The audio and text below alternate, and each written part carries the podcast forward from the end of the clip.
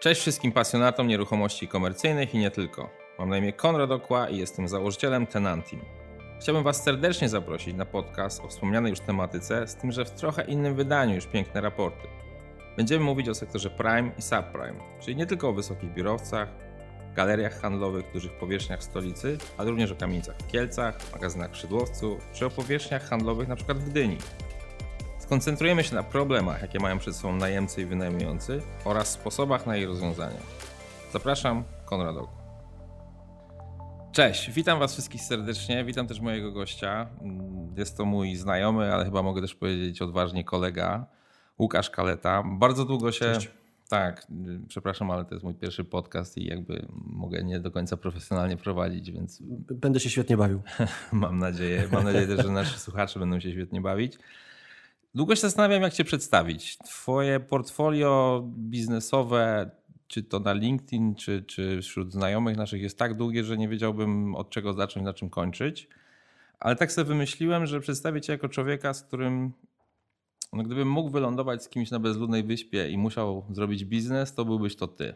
Żeby od tego zależało nasze nasze przetrwanie na wyspie, to myślę, że wszystkich znajomych bym wybrał ciebie. Yy, I wybrałem też ciebie, ponieważ to jest podcast o nieruchomościach, a ty jako jedna z twoich działalności kręcisz się tam mocno. I chciałbym, żebyś może zaczął od tego, dlaczego i w czym tak dokładnie się tam kręcisz. To jest ciekawa historia w sumie. Jestem w branży nieruchomości komercyjnych od 2016 roku i to się stało trochę przypadkiem.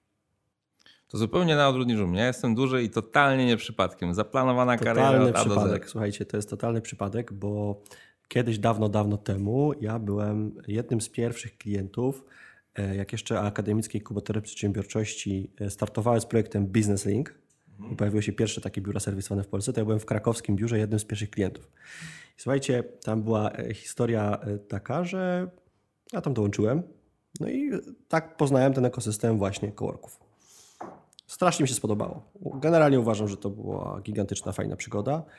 Natomiast z czasem, jak to zwykle bywa, potrzebujesz się rozwinąć, potrzebujesz trochę innych lokalizacji, potrzebujesz troszeczkę większego, nawet nie powiem elastyczności, ale większego dostępu do różnych narzędzi. Niekoniecznie w tamtych czasach, niekoniecznie te konkretne biura były w stanie to dostarczyć. Więc ja wyszedłem z tego biura, poszedłem do tak zwane swoje. I stajesz się gigantem na tym rynku. Tak? Nie, Po no. prostu just like that. Ja w ogóle tego tak nie postrzegam, ale, ale coś się udało rzeczywiście nie osiągnąć. Jak to czasami mówię, ja się czuję jak trochę Janusz biznesu, bo wszedłem z, naprawdę w kaloszach do tego biznesu. Natomiast był taki moment, y, kiedy wynająłem swoje biuro, to było około 130 metrów, były cztery pokoje. No i ja te cztery pokoje zająłem. Natomiast jako, że prowadziliśmy agencję interaktywną, no był taki czas, że jeden projekt żeśmy ucięli, no i automatycznie zespół o połowę się skrócił. Mamy duże biuro, dwa pomieszczenia całkowicie stoją A odłogiem, czynsz leci. a czynsz leci. Więc długo nie myśląc, znając model biznes linka w tym przypadku, no dobra, to może to podnajmiemy, może komuś, z kimś współdzielimy tą przestrzeń. No i tak się zaczęło, dostaliśmy zgodę od y, właściciela, pozdro Filip. A propos, mamy dalej fajne relacje, zresztą teraz też wciąż jesteśmy najemcą. Jedna z naszych firm jest najemcą u Filipa e, w Krakowie. No i podnajęliśmy. I się okazało, że mamy dwa elementy. Po pierwsze, dość sprawnie to poszło. Dwa, poznaliśmy fajnych ludzi, z którymi mogliśmy robić interesy. No właśnie, o tym będziemy mówić, bo to jest jakaś twoja przewaga konkurencyjna teraz na rynku. Ja chciałem generalnie poruszyć z tobą ten, ten segment biznesu, ponieważ to jest no, w skrócie tak zwana biurówka, natomiast ty działasz i w prime i w subprime. Ja naszym słuchaczom trochę wytłumaczę, bo to jest takie moje słowo chyba z naszej firmy. My prime traktujemy jako profesjonalne, biurowe powierzchnie w no, profesjonalnych biurowcach, raczej w dużych miastach, a ten subprime to jest coś takiego no, mniej profesjonalnego, gdzie ja mam biuro na przykład w Kielcach. Tak? I to jest kamienica w Kielcach, nieduży pokoik i tam sobie siedzę, bardzo mi dobrze, natomiast jest to zupełnie inny segment, a ty łączysz te dwa światy i to dla nas w ten teamie jest mega ważne, żeby dawać wartość zarówno w prime, jak i subprime, a tobie się udaje i opowiedz trochę o tym, bo to jest mega ciekawe. To jest dokładnie, ja, mogę tak naprawdę, opisać tylko swoją drogę, no bo to chyba o to... Ale to jest bardzo, wiesz, profesjonalna droga, także opowiadaj. E, No słuchajcie, no, na początku liczy się każda złotówka, więc chciałem znaleźć tanie biuro. Tak, oczywiście chciałem mieć biuro w super standardzie na piątym piętrze z widokiem na Wisłę. Rewelacja. Tylko, że to kosztowało więcej pieniędzy. Tego budżetu nie było, więc trzeba było sobie radzić i szukać e, tańszych alternatyw. Nie bez powodu mówi się, że w Silicon Valley pierwsze dobre biznesy, globalne marki startowały w garażu. Chodziło o eliminację niepotrzebnych kosztów. I bo to jest niepotrzebny koszt. To jest, musisz go ponieść, tak. ale w, tak naprawdę wcale nie chcesz. Po prostu musisz. E, też jest taki, taki troszeczkę społeczny, społeczny wymóg, że biznes powinieneś raczej prowadzić poza miejscem, w którym śpisz. Tak, i płacenie I... ZUS-u od początku, co zabiło mój pierwszy biznes. Dokładnie, tak, dokładnie tak. Więc ja zacząłem tak naprawdę od biura, które było skrojone na moje potrzeby, było tanie, a przy okazji, jak zacząłem je podnajmywać, to okazało, że jeszcze ten koszt mi spadał, bo powstała wartość dodana. Nie tylko dlatego, że robiłem interesy z moimi sąsiadami z za ściany, ale też dlatego, że płacili, dokładali mi się do czynszu. Mhm. I to często po cenach rynkowych, a z czasem te ceny rosły, no bo było, za, było zapotrzebowanie. I ja wychodzę z założenia, że każda firma, nieważne na jakim jest etapie, potrzebuje biura. I teraz po co ono potrzebuje, po co ta firma potrzebuje tego biura? Aby realizować swoje potrzeby biznesowe. I teraz elektryk nie będzie szedł do biurowca klasy A, bo potrzebuje odpowiedniego odprowadzania powietrza, wentylacji i tak dalej, no bo lutuje na przykład, prawda? To, że lubi kawę, to nie znaczy, że to, będzie w tym To nie jest biurowcu, jego tak. top, top potrzeba, więc tak jest. jest duża szansa, że on do tego biurowcy nie pójdzie i nawet nie będzie go szukał. Tak? Już nie, nie, nie, mówię, że jakby jest taki społeczny trend, że jednak ktoś, kto siedzi przy tej lutownicy, ja jestem z zawodu po studiach elektrykiem de facto, więc ja znam o, elektryków, to mogę stwierdzić, że to są ludzie raczej skupieni na swojej robocie. Nie patrzą... Ja, ja, ja patrzą... zrobiłem błąd, przerwę. Ja zrobiłem błąd, bo ja skończyłem studia związane z nieruchomościami i widzę, dlatego ta moja kariera znacznie wolniej idzie niż twoja, bo to jest, to jest z założenia błąd. W ogóle trzeba było nie kończyć tych studiów, patrząc na wszystkie unicorny z Silicon Valley. No, słuchaj, nie ma reguły, wiesz? Nie ma reguły. Na przykład mój, mój serdeczny przyjaciel y, Dawid y, jest po elektrycznym, jest elektrykiem i stworzył firmę z branży OZE, więc sobie, którą Tak, drogą... tak, tak. Miałem poznać dzięki tobie w sumie Dawida, pozdrawiamy. Y, natomiast tak. oczywiście to, to jest jakieś połączenie. Więc no, może jest dla mnie nadzieja w takim razie. Jest Kiedy? nadzieja, tak. tak jest, myślę, wydaje, nadzieja. że spokojnie możesz skoro wielu ludzi w ciebie wierzy tak samo jak ja, to pewnie to jest tylko dobry znak. Natomiast zmierzam do tego, że biuro jest narzędziem. Tak. I to narzędzie dostosowujesz pod profil Twojego klienta, pod profil Twojego pracownika, pod kwestie związane z rotacją pracowniczą, tak? Bo jednak biuro y, na koniec dnia bardziej ekskluzywne nie zmienia w Twoim życiu nic oprócz lepszego samopoczucia i tego, że masz ewentualnie lepszy serwis sprzątający. Realizujesz tą samą pracę, co w garażu ale masz, czujesz się lepiej. A to poczucie Tak, natomiast lepiej, to poczucie jest ważne i jest. to o tym też z chęcią porozmawiam, bo my mówimy dzisiaj w naszym tenantimie o efektywnych zespołach pracy. Tak jest. I teraz zmierzam do tego, że elektryk, który jest typowym introwertykiem, skupia się na efekcie swoich działań, a nie na miejscu, w którym pracuje, jego rotacja tego, tego rodzaju pracownika będzie mniejsza prawdopodobnie w miejscu, które dostarczy mu odpowiednie narzędzia i możliwości twórcze, aniżeli piękny biurowiec klasy A. I to samo w drugą stronę. Przepraszam. I to samo w drugą stronę. Osoby, które siedzą w branży finansowej, tak, osoby, które chodzą na co dzień w garniturze, bo tego oczekuje od nich ten sektor rynku. I klienta. I ten mhm. sektor klienta, ten, ten rodzaj klienta, będą chciały i będą wręcz y, działać na korzyść tej organizacji, która je zatrudnia w biurowcu klasy A, czyli tak zwanym, tak, tak zwanym prime. Więc jakby ja traktuję biuro jako narzędzie do realizacji celów, a standard tego biura z mojego punktu widzenia jest elementem redukującym rotację pracowników i trzeba popatrzeć na cele biznesowe związane z powierzchnią biurową, a niekoniecznie z przestrzeń samą w sobie.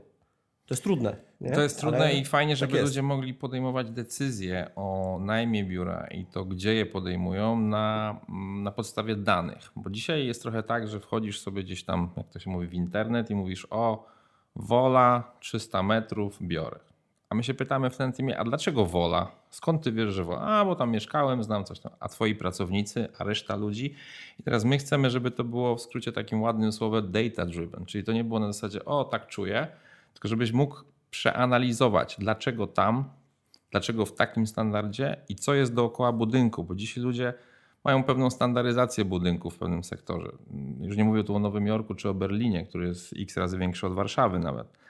Ale mówię tu o tym, że to, że masz dzisiaj klimatyzację, że masz kawę i takie rzeczy, powoli staje się standardem. Ale jak wyjdziesz z tego budynku, to fajnie jest wiedzieć, że na przykład jest bezpiecznie, że masz przedszkola, że masz dobrą ofertę lunchową i dużo rzeczy poza biurem, co stworzy efektywny zespół pracy. W pełni się zgadzam i podpisuję pod tym. I to jest jakby teraz to, co mówisz, uważam jest przyszłością w ogóle rynku nieruchomości. E, dzisiaj, no w zależności od rynku, rynek polski, ale nie tylko, generalnie każda firma to jest pewnego rodzaju dyktatura. Tak, troszkę, troszkę yy, no, pociągnę filozoficznie temat. Dyktatura prawda? też ekonomii. No. Ale zmierzam do tego, że jest bardzo często, tak? Jest mhm. prezes, tak. kilku dyrektorów i to podnieść się dostosowuje organizację. O, i to się bardzo zmienia. My właśnie teraz mówimy tak. w tym teamie, daj ludziom zdecydować, ile chcą jechać do pracy. Nie ty Słuchaj, masz mieć najbliżej. Ale dlatego, nie wiem, gadałem z takim kolegą jakiś czas temu o organizacjach y, tak zwanych turkusowych. Mhm. Jakby w ogóle dowiedziałem się, że idea turkusu w ogóle zaczęła się kiełkować w głowach tych zarządzających, którzy chcieli powiedzieć tak, słuchajcie, dajcie mi spokój, weźcie sobie tą firmą, zarządzajcie tak jak chcecie, poukładajcie sobie te procesy tak jak chcecie, o ile ja będę zadowolony i będę musiał przez to mniej jeździć do pracy. Trochę się zmienia, nie? Generalnie się zmienia, ale my widzimy bardzo dużą wartość dodaną w tym, że pracownicy sami mogą wskazać w naszych formularzach, co lubią dookoła budynku, skąd dojeżdżają i na tej podstawie, jak mamy algorytm, który to agreguje i mówi, na woli będziecie rocznie dojeżdżać tyle i tyle godzin, ale na Mokotowie tyle i tyle. I teraz prezes, jak widzi, że ma na przykład no, w dużych zespołach 10 tysięcy godzin mniej dojazdu dla pracowników, to on dobrze wie, że oni będą ja szczęśliwsi. Się, ja się w pełni z tym zgadzam i dlatego w ogóle data driven decisions y, w kontekście, jakbym był prezesem, miał takie parametry jak ilość czasu, które pracownik oszczędza dzięki temu, że nie dojeżdża do pracy. Kwestie y, dotyczące y, szacunkowo, ile wydadzą na jedzenie w tak, okolicy. Tak, tak, tak, Kwestie związane z branżą, w której działam oraz kto działa dookoła w tej branży, aby oszacować, na pewno da się to zrobić, jest trudne, ale to jest przyszłość. Czy właśnie ta lokalizacja sprzyja temu, że ten pracownik będzie ze mną dłużej? Tak, i nie prawda? będzie właśnie ten nie będzie... co chwilę musiał HR-u wynajmować, Dokładnie, żeby szukać. HR jest strasznie drogi. Moi znajomi drogi, time consuming. No. Gigantyczne pieniądze zarabiałem na dzisiaj na, na bardzo dobrej, oczywiście bardzo dobrej jakości usługach headhunterskich, bo nie ma ludzi. Nie ma ludzi i proces w niektórych wyspecjalizowanych branżach polega że tylko na tym, że na przykład jedna na 320 osób dostaje pracę. No to teraz wyobraź sobie odsianie 319 osób, tak? No Dokładnie to jest tak. jakby... Nie, to jest idea, jest i dokładnie w tą stronę będzie podążał świat. Natomiast jesteśmy na początku. Jeszcze tak, dużo to, to... wody w Wiśle musi popłynąć dużo, do, dużo się do, wydarzyło. Do, no. do, do Bałtyku. Dużo się wydarzyło w technologii w segmencie nieruchomości, tak jak my to mówimy, wakacyjnych. Tak? 30 lat temu powstał Booking i już nie musisz iść do biura podróży i powiedzieć chciałbym z żoną w czasy. Pani ci mówi Turcja all inclusive, Bułgaria bed and breakfast i masz tylko taki wybór. E, a to samo stało się potem chyba w 2007 roku po wyborach Obamy z Airbnb. Ta mieszkaniówka też dostała tą technologię. Natomiast dzisiaj nie ma cały czas jednego miejsca na świecie, gdzie możesz sobie wynająć biuro w Rosji, magazyn w Grecji, i na przykład powierzchnię handlową w Nowym Jorku. Tak? Mhm. Mm, ten rynek cały czas jest jeszcze skostniały mm, przy, w porównaniu do innych rynków. Natomiast my też widzimy, patrząc na cały PropTech, że, no, że to się zmienia. Natomiast to jest rzeczywiście długotrwały proces i są pewne standardy, do których ludzie są przyzwyczajeni. Nawet jak mówimy o wartości dodanej płynącej z tego, to oni czasami jednak wolą dla świętego spokoju skorzystać z tych tak zwanych old-fashioned e, listingów. Tak? A powiedz mi odnośnie Twojej organizacji, bo ona też się wyróżnia tym networkingiem. I ja patrząc na stawki najmu w Twoich niektórych lokalizacjach się dziwię, że tak jest, e, bo są naprawdę y, z jednej strony przystępne, ale patrząc na to wszystko, co się dzieje dookoła, to Ty sobie radzisz bardzo dobrze z rentownością tego wszystkiego przy, w porównaniu do innych operatorów. Na czym polega sukces i połączenie tego? Chyba właśnie z tego powodu, że weszliśmy tam w kaloszach. Mhm. I jako, że ja się wywodzę w, z dużo innych branż, tak, działałem w OZE, działałem w sektorze IT, trochę w mediach, trochę w inwestycjach, to jak wszedłem na rynek flex i w ogóle powierzchni biurowych komercyjnych, bo ja działamy głównie w coworkingi, mhm. flexy i tak, i, tak, i tak dalej. Biura serwisowane. Dokładnie, biura tak. serwisowane, to ja nie patrzyłem na biuro jako miejsce, na którym będę zarabiał jako wynajem powierzchni. Mhm. Jakby w ogóle to nie jest ten klucz.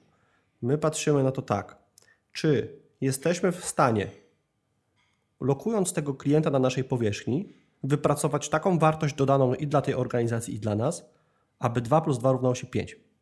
Jasne. Tak? Czyli synergia. Szukamy synergii. Jakby to jest jakby klucz naszej działalności.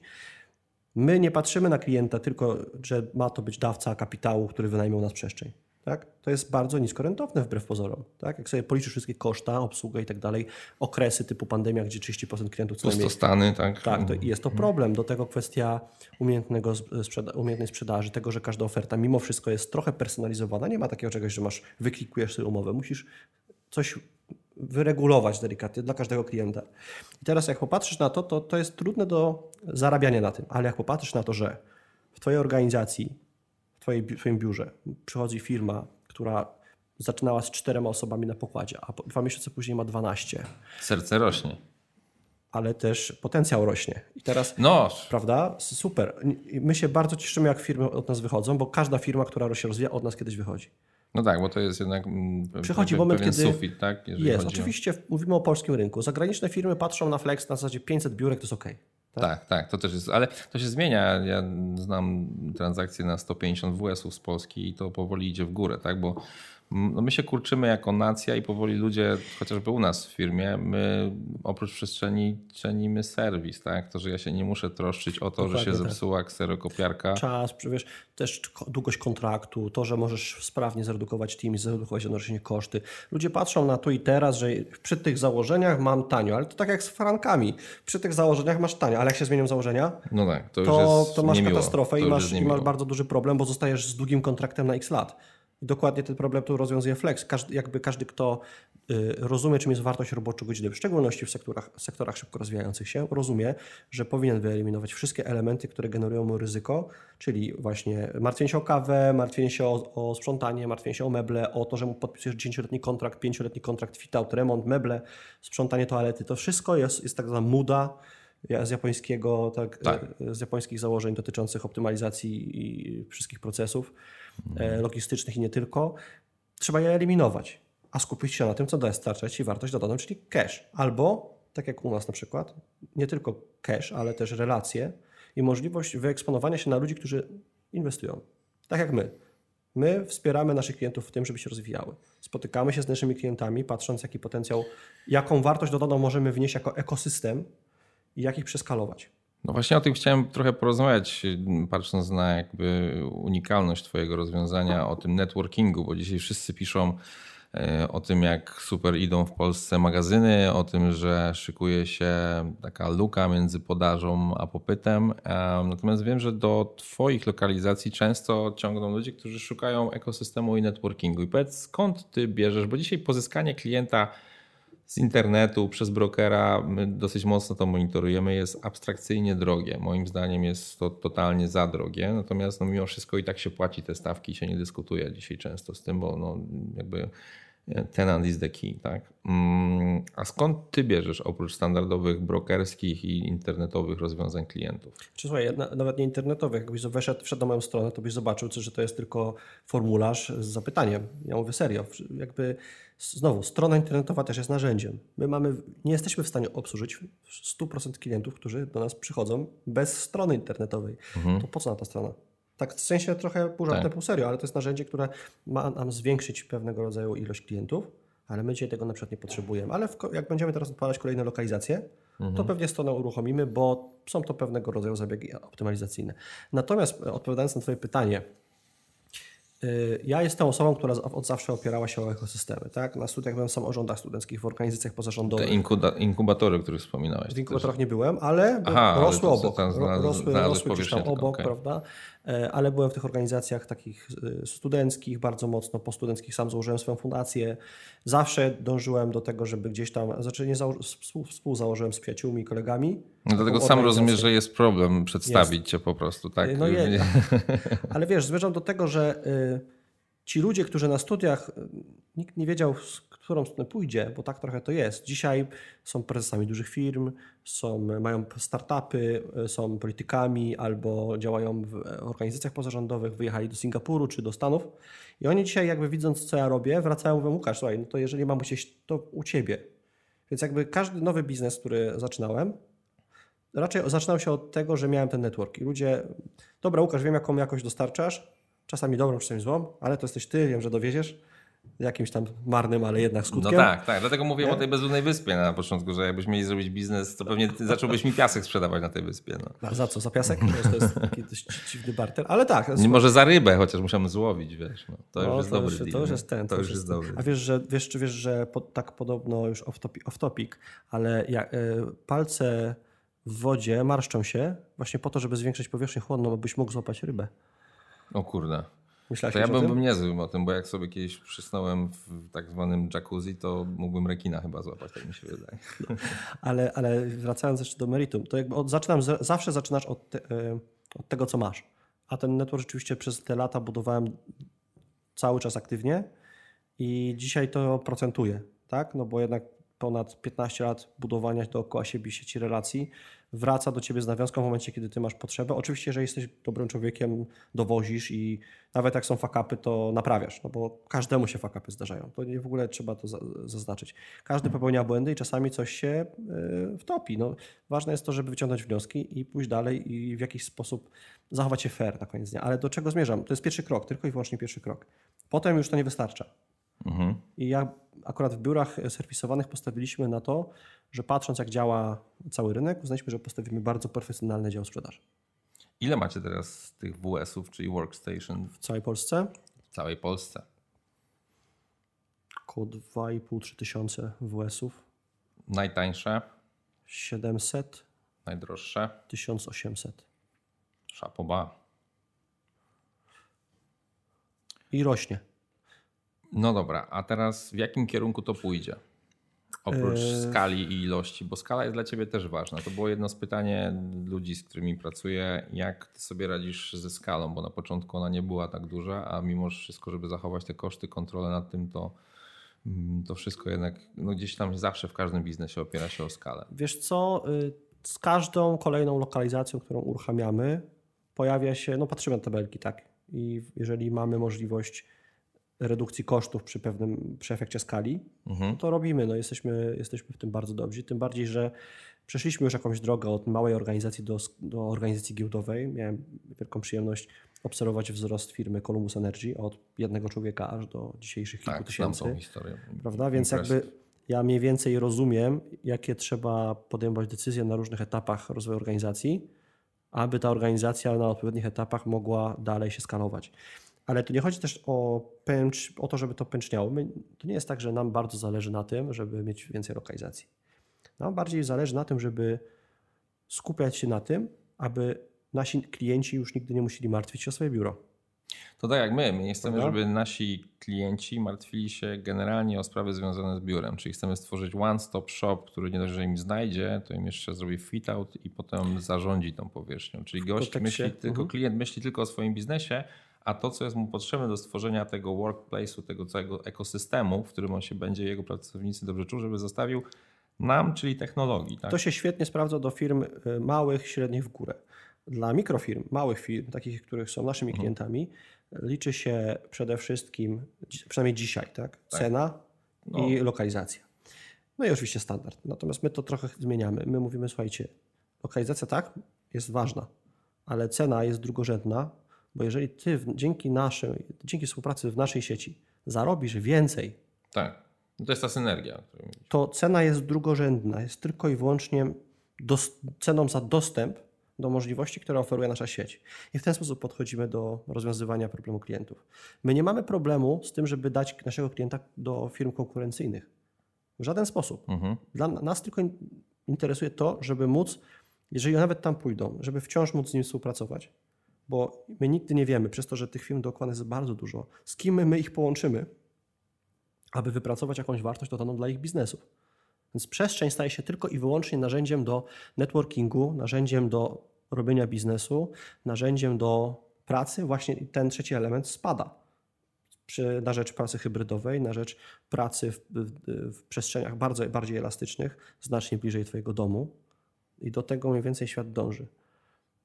A powiedz, przyszłość rynku, no powiedzmy o Polsce, bo mm, niby te rynki są połączone, niby są w pewnym sensie stworzone przez kilku dużych graczy na całym świecie. Mm, Natomiast w jakim kierunku pójdzie rozwój biurówki? Czy to jest, no bo na biurówce się koncentrujemy z racji tego, że ty się tym najbardziej zajmujesz. Mm, czy to jest kwestia regionów, czy to jest kwestia, że będzie Warszawa i reszta tak jak jest troszeczkę dzisiaj? Czy to jest kwestia tego prime'u i topowych biurowcy? Czy jednak będzie ta, ja to trochę nazywam rewitalizacją kamienic. Mamy dużo fajnych kamienic, które trzeba no niestety włożyć trochę kapitału, żeby to działało i się zastanawiam, bo często jest tak, że buduje się nowy biurowiec, a z boku stoi, stoją piękne kamienice. Wiadomo, że Excel jest niestety no, nieubłagalny, jeżeli chodzi o te rzeczy i ten Excel trochę rządzi tym biznesem. Natomiast powiedz, czy ten no dla nas tak zwany subprime, ale myślę, że to jest dobre, konkretne określenie, czy on ma szansę zwiększać swój udział w rynku? Mi się wydaje, że jest to bardzo według mnie więcej niż pewne, chociażby dlatego, że my to robimy. Mhm. No my... tak, to już jest w ogóle. Łukasz to robi, więc this is the future. I, i mało kto to robi tak naprawdę. My chyba byliśmy jedną z pierwszych sieci, która zaczęła robić subprime e, i robi, sieciować to. Tak? Z reguły jak masz mały coworking w kamienicy, to jest jeden. Tak, i tam się tak. rzadko kiedy spina postawić panią na recepcji. Tak, a my, a my raczej idziemy w skalę, tak? My jakby idziemy w sieć tych coworkingów, tych małych właśnie przestrzeni. Od 50, nasza naj, najmniejsze biuro ma 50 metrów. Jest jednym biurem, które wynajmujecie, tak? Na, na przykład. Albo, okay. wiesz, mamy, to są małe biura często, w, mhm. w kamienicach, w, biur, w blokach, też w biurowcach oczywiście, ale niższego standardu śmieję się, że jak będzie trafią się fajne garaże, to też się zaadaptują pod biura, no bo ktoś będzie I to można PR dobry ugrać, pokazując tam zdjęcia Microsoftu, tak? Chyba, nie wiem, czy... Te garaże tak. były przydomowe, wiesz, te, te, tych, tych No tak, słuchaj, wszystko można uszyć na bieżąco. I powiem Ci tak, z racji, że to dzisiaj ja stawiam kolację, to bardzo mi miło. There's no such free. Gdzie jest najdroższe? tak, tutaj na, na, na, rogu mamy kepsika fajnego. Um, cytując klasyka, um, there's no such thing as free lunch. No to niestety musisz mi trochę pomóc dzisiaj. Okay. Mamy w swojej w, w teamie Tenanti mamy wyzwanie, jak dotrzeć, jak ich no, stworzyć z nich taką profesjonalną bazę wynajmujących właśnie z subprime'u. Czyli na przykład mojego ojca, mhm. który ma jakąś tam kamienicę w Kielcach i on nie ma strony w internecie, on ma jakiś tam banner, on generalnie współpracuje z pośrednikami, ale szczerze powiedziawszy nie do końca jest zadowolony i patrząc na rentowność coraz niższą mhm. tego segmentu, no to jednak mm, coraz mniej jest ochoczo do tego nastawiony, tym bardziej, że no myślę, że ta praca nie zawsze jest na takim poziomie, jak on by sobie życzył. Mamy na to kilka pomysłów, ale zanim Ci je zdradzę, to chciałem Cię spytać, jak można zachęcić wynajmujących, bo najemców mamy niestety, znaczy stety, mamy na pęczki, ale nie mamy czego im dostarczyć. Mamy zapytanie na przykład o magazyn pod Wrocławiem, 400 metrów, ale musi być plat 1000 metrów. To jest coś, czego nie obsłużą duży operatorzy logistyki. Tak? Mhm. Mamy zapytania o e, Ostatnio wpadło nam zapytanie na szydłowiec na 30 metrów kwadratowych. O, tak? no dawaj. No, no, a, no tak, bo to są twoje strony. I ja czasami mogę siąść, podzwonić i to zrobić, ale żeby to zautomatyzować i żeby dać ludziom wartość, to jest naprawdę no monkey business na razie. Jeździłeś do Chorwacji czasem samochodem? Jeździłem. Co zauważyłeś w sobie? Korki. E, dobra, idźmy dalej. Co zauważyłem? E, do czego zmierzam? Żeby mhm. też ten, nie robić zagadek, tu mam dużo tak pytań. Jest. Jak jechałem 7 lat temu do Chorwacji, to na trasie było setki kobiet z, z, z takim, wiesz, strzałeczką wolne pokoje. No tak. Jak jechałem 5 lat temu, było ich kilkadziesiąt. Jak jechałem dwa lata temu, było ich kilka. Rozumiem. Jak byłem teraz, nie widziałem żadnej. I teraz do czego zmierzam? Że wynika to tylko i wyłącznie z tego, że inni ludzie z tej samej branży używają pewnych narzędzi. Airbnb, Booking i tak dalej. Więc jakby najważniejsze w moim odczuciu są dwie rzeczy. Po pierwsze, oni muszą zauważyć, że to się opłaca. Mhm. Czyli najlepiej, co działa najsilniej? No, rekomendacja. Ktoś już to ma. Słuchaj, to działa świetnie. No weź spróbuj, spróbuj, co ci szkodzi dodać swoją nieruchomość. Jak nie chcesz, to ja ci dodam. Prawda? A dwa, wyjście trochę naprzeciw. Słuchajcie, to tak, my tak czasami robimy, tak? Że pomagamy komuś, słuchaj, to my wam tu pomożemy, zobaczcie jak to działa, my, się, my to obsłużymy, zobaczcie, jak będzie ok, to zostawcie po prostu. Prawda? Ja Niestety to jest, no. wiesz, to jest trudne, bo y, ludzie patrzą w szczególności osoby z tego rynku, jak to nazywasz subprime, to często nie są eksperci. To nie są, to O, bardzo często są, Rzadko kiedy są. w nieruch, a w szczególności w branży nieruchomości. Kupili nieruchomo albo odziedziczyli, albo I kochają mają, do, pasywny dochód, czyli Tak. dodanie ogłoszenia samemu na internecie, bądź, albo już w ogóle stworzenie swojej strony internetowej To budynku. To jest nie out of reach, dokładnie. Ja znałem bardzo dużo kamieniczników, w Krakowie w szczególności, to no, im jest dobrze Tak, tak. Oni są. y, i mm, nie potrzebują y, więcej. Pamiętajmy, że technologia, koty, tak. technologia jest narzędziem, która ma dać nam więcej czasu, pieniędzy, czegoś, dos- dostęp, prawda? Technologia Łatwiej życie generalnie. To. Ale jak ty masz łatwe życie i masz kilkadziesiąt tysięcy miesięcznie z kamienicy, a twoje No potrzeby tak, skupiają się na co? pójściu do żabki, Słuchaj, to To topnieje. trudne. Ten dochód topnieje i pasywny dochód jest coraz będzie- droższy. Każdy to zobaczy. Każdy to zobaczy. I teraz według mnie są dwa, na dzień dzisiejszy oczywiście, to jest bezpośrednie dotarcie do tych ludzi. No jakby nie bardzo i, i szczerze trochę pomo, pomo, pomo, pomoc im w tym, Mhm. żeby dołączyć do tego, do waszej platformy, być może obsłużyć nawet na początku, bo oni muszą to zrozumieć, tak? Muszą przeklikać się.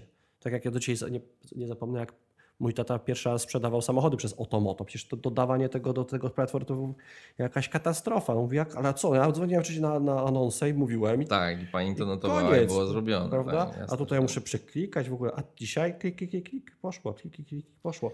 Tak więc y, to jest kwestia, jeżeli ktoś zauważy, że coś działa, to zaczyna się pogłębiać swoją wiedzę w tym zakresie. Mi się wydaje, że to są dwa najlepsze kierunki. Sie- Sieć rekomendacji, czyli znalezienie tych liderów opinii Jasne. i Mhm. popatrzenie, którzy liderzy opinii właśnie są, nadają do Twoich odbiorców. To jest dobre, natomiast powiem Ci, jakie mamy wrażenia po tych kilku miesiącach badania tego, co robimy. Mm, No wiesz, mamy aspiracje, żeby nie zrobić tego w Polsce, tylko po prostu stać się szybko unicornem na świecie. To może skup się w ogóle. Wiadomo, tak? Nie patrz na subprime w Polsce. Mm, tak, tylko że moim zdaniem rynek w Polsce, w Niemczech, w Stanach, e, w Wielkiej Brytanii, jeżeli chodzi o prime i subprime, wygląda bardzo podobnie. I mówię tu o ludziach, którzy mają kamienice, czy to w Anglii, czy to w Kielcach, że oni, to jest pewny, no jak określaliśmy persony, to jest pewien typ człowieka, to jest typ człowieka, który on nie ma ochoty siedzieć przed komputerem i tam robić sobie AdWordsów na swoją kamienicę w skrócie. Mm, I patrząc na właśnie na przykład mojego ojca, on nie ma w ogóle e, strony internetowej, on się nie ogłasza, ma banery. I teraz my stworzyliśmy, no, używamy technologii OCR, czyli Optical Character Recognition. Chodzi tu o to, że mm, no, no tak w dużym telegraficznym skrócie, po zdjęciach, które są zrobione na mapie Street View e, mapy Google'a, wynajdujemy zdjęcia z napisem wynajmę i numer telefonu. I to tworzymy, jesteśmy w stanie to zrobić czy to w Polsce, czy to gdzieś za granicą i okazuje się, że wyniki z tego po banerach z tak zwanych parterów są niesamowite. Stosunkowo jest łatwo wyskrapować z różnych tam ogłoszeń i zebrać te dane z internetu, tworząc bardzo stosunkowo proste boty. Natomiast mimo wszystko do większości takich zatwardziałych subprime'owców się tędy nie dociera, bo, bo to jest tylko część. I To może, przepraszam się wtrącę, a może z, skoro jest bariera wejścia do, do platformy, to może trzeba pójść w stronę powołania pewnego rodzaju operatorów regionalnych, takich trochę e, Aniołów biznesu, konsultantów Avona, O kurczę, tak, znam, wow. To y, nie? czekaj, zanotuję, bo którzy biorą sobie jutro jakiś przyjdę do region, firmy, kto zostanie konsultantem Iwona. Wróć, tenant teamu. Tak, taki e, konsultant, te, ten, tenant konsultant, jakby, czyli bierzesz jakiś region, twoim zadaniem jest zachęcać te, tych ludzi w danym regionie, prawda? Na podstawie spływających w regionie zapytań, do tego, żeby właśnie rozrzucać te zaproszenia i od każdego ma. wie, wiesz jaka to jest gehenna? Mamy, wiem. mamy klientów, mamy wynajmujących, dzwonię do nich już sam, nie, nie dział sprzedaży, tylko ja chcę sam to sprawdzić, czy to rzeczywiście no, nie ma jak dotrzeć do e, tego wynajmującego. Mówię, szanowny panie, mamy klienta, pana magazyn, klient jest zainteresowany, a on mówi, ja nie współpracuję z agencjami. A mówię, ale my za tego lida to chcemy 20 zł. Nie, ja nie współpracuję z agencjami jest tak wbite na pamięć. Po prostu ta mm, jakby ewangelizacja rynku musi tak następować, nie wiem w jaki sposób, żeby ci ludzie zrozumieli, że my naprawdę chcemy im dać mega fajny kontrakt, a to, co chcemy od nich, są jakieś w ogóle to, to odwróć proces. pocket money. A, a no. czy gdyby mówisz, że jest taki problem, to może zrób tak, że w ramach kontraktu jeżeli masz 5000 zł za miesiąc, powiedzmy, tak, to, no bo to, to jest... pierwszy miesiąc jest 4950. Rozumiesz, o co mi chodzi? Tak, tylko w głowie jest bite, nie współpracuję z agencją. Nie Mówię, my nie jesteśmy agencją. No ale ma pan, pan jest klientem? Nie. Czy pan ma klienta? Tak. No to pan jest agencją. Game over. Jest i telefon odłożony. Jakby i, i, z tym zastanawiam się naprawdę, pokazanie ludziom tej wartości dodanej i ta demokratyzacja tej wiedzy, tak ładnie rzecz biorąc, to jest tak moim zdaniem ciężki i długotrwały proces, zwłaszcza z tym subprime. Wiesz, wiesz, z czego to wynika? Też z tego ja czasami mam takie gdzieś tam, dostaję telefony. Panie Łukaszu, no może, a to ja zajmę panu, mam bardzo ciekawy pomysł, ja chciałem się z panem spotkać tylko na 5 minut. I, I ty już wiesz, co będzie z tyłu. No próba, tak. Próba sprzedania ci usługi, próba ubrania, że to nie prowizja. Nie, nie, nie to jest koszt pana sukcesu, prawda?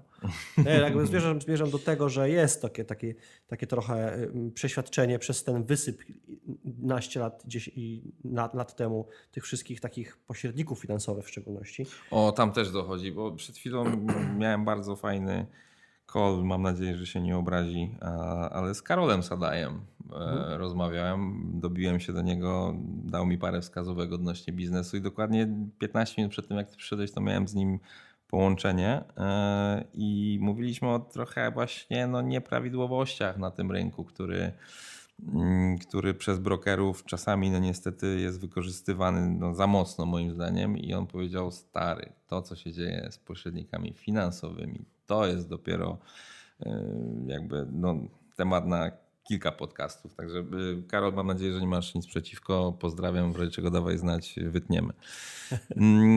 Łukasz, powiedz mi jeszcze taką rzecz. W którym kierunku, co to będzie? O, co to będzie, bo mamy pandemię, teraz jest niby luka podażowa, potem ma być drożej, wzrosła cena prądu i gazu. Jak sobie z tym rynek poradzi i, i, i w którym kierunku to, to idzie? Bo to, że będzie drożej, to wszyscy wiemy, tak?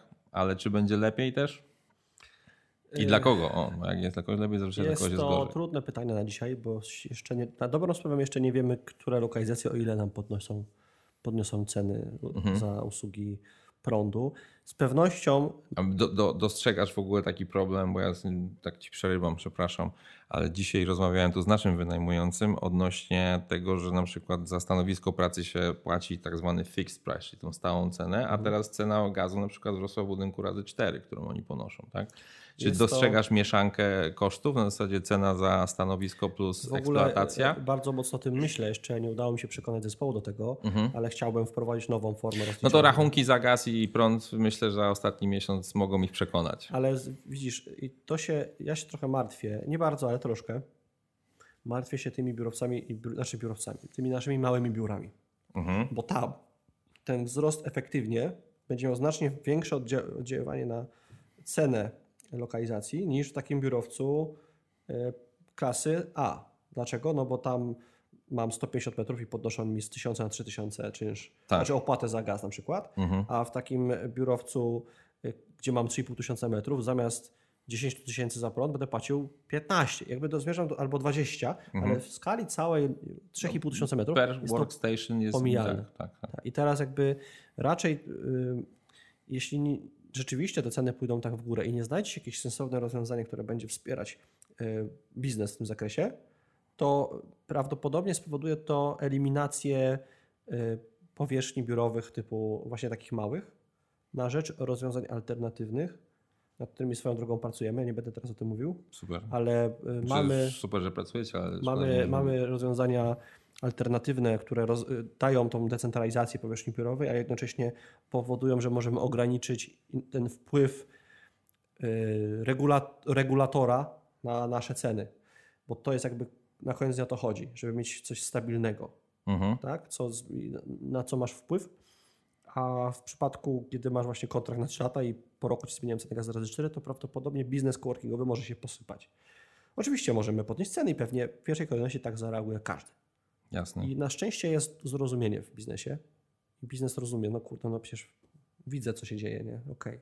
Jest okej, okay, ale z pewnością będą klienci, którzy powiedzą nie, to nie jest ok, albo nie, ta cena już jest dla mnie za duża Mhm. i alternatywą jest własne biuro i cofnięcie się trochę wstecz. Tak? Bo własne biuro bez ekosystemu to jest cofnięcie się wstecz. Co chciałbyś zmienić na rynku? To jest kolejne trudne pytanie. Ja wychodzę tu oczywiście tak troszeczkę pod włos, no, ale nie byłbym sobą, gdybym tego nie zrobił. Y, Co chciałbyś zmienić na rynku najemca, wynajmujący, pośrednik, internet, ceny pozyskania klienta? Jak to widzisz przyszłościowo, w którym kierunku idziemy? Uważam, że będzie szło tak samo jak w każdej innej branży. Pojawi się jeden wielki globalny operator, zanim Mhm. będą dookoła, obok będą szły szli różne inne portale, które będą optymalizować cały proces, Mhm. pobierając mniejsze prowizje, a nawet kiedyś większe, bo jak to No zawsze tak, lider ten, ale wartość dodana z tego płynąca będzie na tyle atrakcyjna jak w bookingu, że ty wiesz, że ty, każdy wie, że 20% tej ceny to jest prowizja. Jasne. Nie? Ale dla ciebie to jest bezpieczeństwo, to jest komfort, to jest pewnego rodzaju standard. To, to Tak, jest poza tym to McDonald's. też, y, to to jest też nie jest McDonald's, y, tak? te 20% akurat na tamtym rynku w porównaniu do tych wszystkich biur podróży, które były kiedyś, to myślę, że i tak jest y, znacznie mniej. Tak? I jest też opcja tego, że no, wybierasz gdzie chcesz. Mm, Czy gdyby koszt pozyskania klienta, jakikolwiek, czy to z internetu, czy przez brokera, był wyraźnie mniejszy, obniżyłbyś czynsz? Nie, Dlaczego? bo ja nie sprzedaję biura, Aha, okej. ja sprzedaję wartość. Ja No w ogóle dla mnie biuro jest tylko narzędziem. Ja nie obniżyłbym czynszu, Mhm. ale zdaję sobie sprawę, że prawdopodobnie tego typu regulacja prawdopodobnie zmusiłaby cały rynek, Czyli cały rynek by po prostu musiał. musiał albo schodzić z kosztów, Mhm. Albo pozostawić. Wiesz to, jest, wiesz, to jest kwestia wymiany wartości. Nie zawsze musisz obniżyć czynszu, możesz kupić nowy ekspres klientom. Ale to Nie? ja mówię o efektywnym generalnie. To często jest tak, że my na przykład patrząc na to, że nasza prowizja jest na przykład no, zdecydowanie niższa niż konkurencji, często jest tak, że wynajmujący na przykład nie chcą obniżać czynszu, ale mówią damy wyższy fit-out. Damy jeden miesiąc zwolnienia z czynszu, tak? Coś, czego cashowo nie odczuwają, ale jakaś wartość dla najemcy powstaje. Tak, tak, jakby- Pytam, bo są bardzo różne podejścia. Czasami jest problem na przykład w zmiany umowy, bo jeżeli się mówimy, że chcemy mniejszą prowizję, żeby dali coś na przykład najemcy, a oni mówią, ale my to musimy z całym działem prawnym przedyskutować, musimy mieć zgodę dyrektora, ludzie, dajcie spokój. Cashback róbcie klientom. Nie, mamy na to pomysły, natomiast ja, ja mówię ci z tym, że chcemy od kogoś na przykład mniejszą prowizję i to jest problem. Cashback. Mm, Jakby, słuchaj, mamy rozwiązania, tak? Mamy rozwiązania, czasami nawet my najemcom płacamy. Y, Wiesz co, mi się wydaje, że no, akurat u nas raczej idziemy w stronę zwiększania ilości wartości, która płynie ze współpracy z nami, Mhm. aniżeli z, i jednocześnie optymalizujemy koszty, to jest oczywiste. Jasne. Tak? No tak, ale to jakby. Bo na koniec dnia możemy zrobić więcej i dostarczyć klientom jeszcze więcej. Y, Trzeba na to trochę chyba w ten sposób spojrzeć. Oczywiście standardowy flex, on będzie patrzył zawsze na cena do metra albo cena do deska, prawda? I tu będzie ten, ten współczynnik grał rolę. Jeśli do świadomości przebije się, że ci brokerzy już nie zabierają 10, tylko 5, 3, 2, 1, a z czasem zaczną dopłacać, bo nie wiem, tak wymyślam, tak? Tak, Proszę skorzystać z mojej oferty, bo to ci dopłacę jeszcze tak, tysiaka, tak, tak. Stawiam lunch. E, Dokładnie, to, to na pewno to trochę zmieni rynek. Będzie musiał. Natomiast w którą stronę?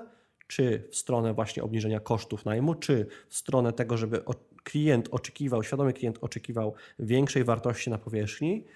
To strasznie szerokie pytanie. Nie, nie wiem, czy jest jedna odpowiedź. Ja wiem, co jest u nas. My skupiamy się na dos- dostarczaniu wartości, więc ceny u nas będą rosły i nie mamy limitu.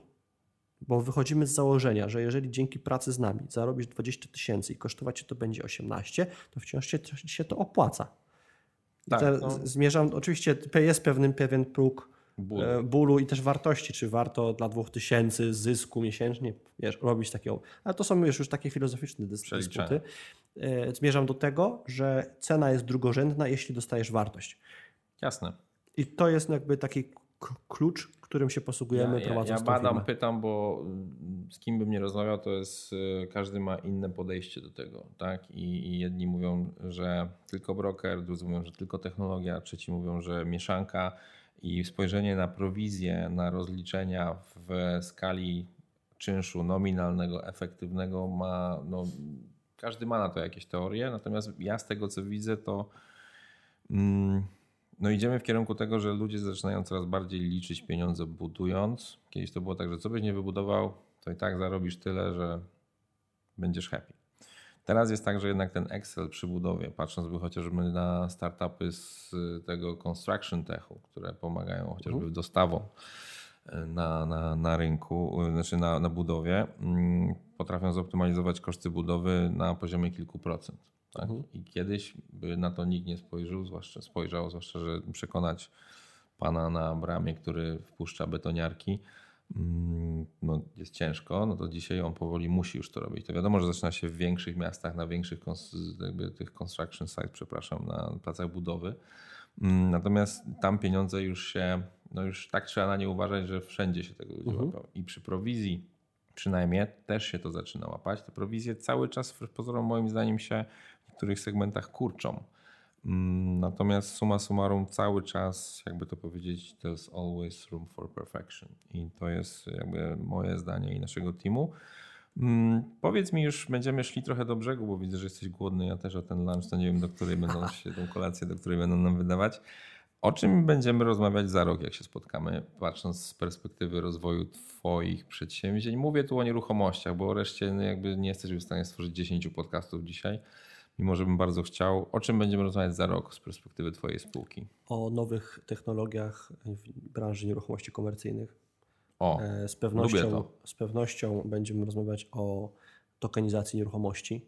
O, e, i, to też lubię to. I generalnie E, będziemy na pewno rozmawiać o licytowaniu się, ile tak naprawdę, znowu to jest oparte trochę o krypto, ale bardzo mocno wchodzimy no, no, w ten no temat. właśnie, ale to krypto to, też jest ciekawym Jaka tematem. jest realna wartość, o którą ludzie się są w stanie bić, płynąca z danej przestrzeni biurowej. Miałem kiedyś stronę parę lat temu zarezerwowaną, teraz jej chyba nie mam, ale coworkbitcoin.com albo na odwrót Bitcoin Cowork i tak wpadłem na pomysł, że można by stworzyć sieć biur gdzie się płaci po prostu za to y, krypto. Idziecie w to? Będzie, będę mógł przyjść do Was i zapłacić sobie kryptowalutą za biuro? Pracujemy nad tym i nawet powiem Ci więcej, pracujemy nad własną kryptowalutą. O, którą będzie Wiesz można... co, miałem kończyć, ale taki tutaj taką bazukę wyciągnąłeś na koniec Bo to dopiero prostu. pracujemy. Może się okazać, że jak przeanalizujemy to wszystko, to się okaże, że to jest bez sensu. Ale rozważamy własną kryptowalutę. Mamy na tyle dużą skalę, że staje się ona decyzja o wdrożeniu czegoś takiego staje się pewnego rodzaju e, inwestycją niskiego ryzyka. Mhm. W najgorszym wypadku nie wyjdzie, jesteśmy w stanie to jakoś przełknąć. Jesteśmy w fazie analiz i prawnych, i technologicznych, i cała ekonomia za tym, która musi stać. Pracujemy nad tym. Nie wiem, czy to wyjdzie w tym, czy w przyszłym, czy za dwa lata, czy w ogóle ale jest to dla nas bardzo ciekawy obszar do zagospodarowania.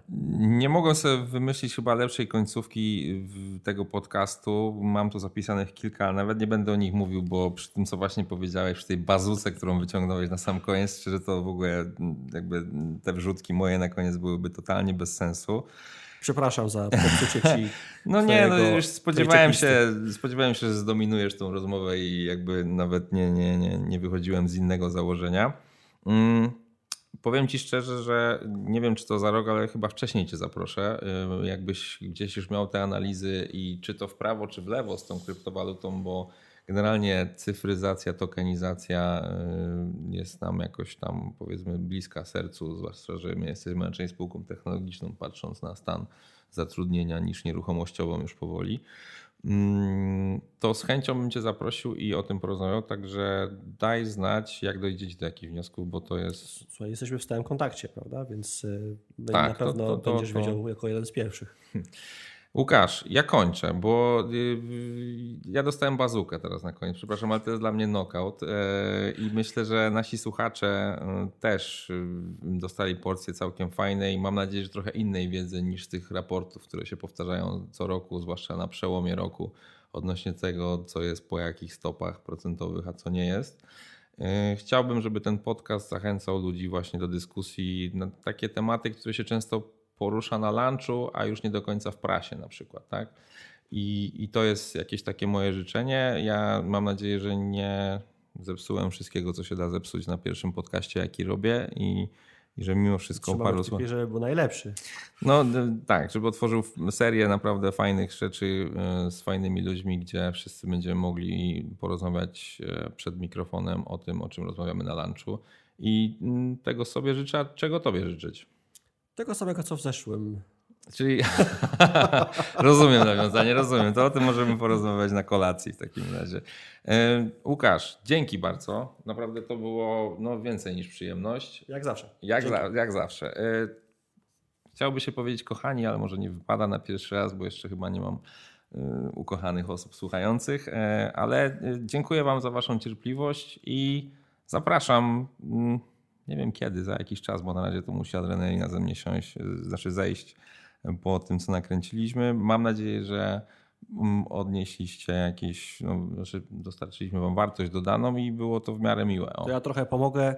Jeżeli tutaj pod spodem jest miejsce na komentarz, zadaj pytanie do prowadzącego, o czym chciałbyś posłuchać w kolejnym podcaście. Tak, ale i tak wiadomo, że do ciebie będą pytania, bo jakby człowiek, y, człowiek impreza zna bezludną wyspę robić biznes tylko z Łukaszem. Dziękujemy wam bardzo. Dzięki.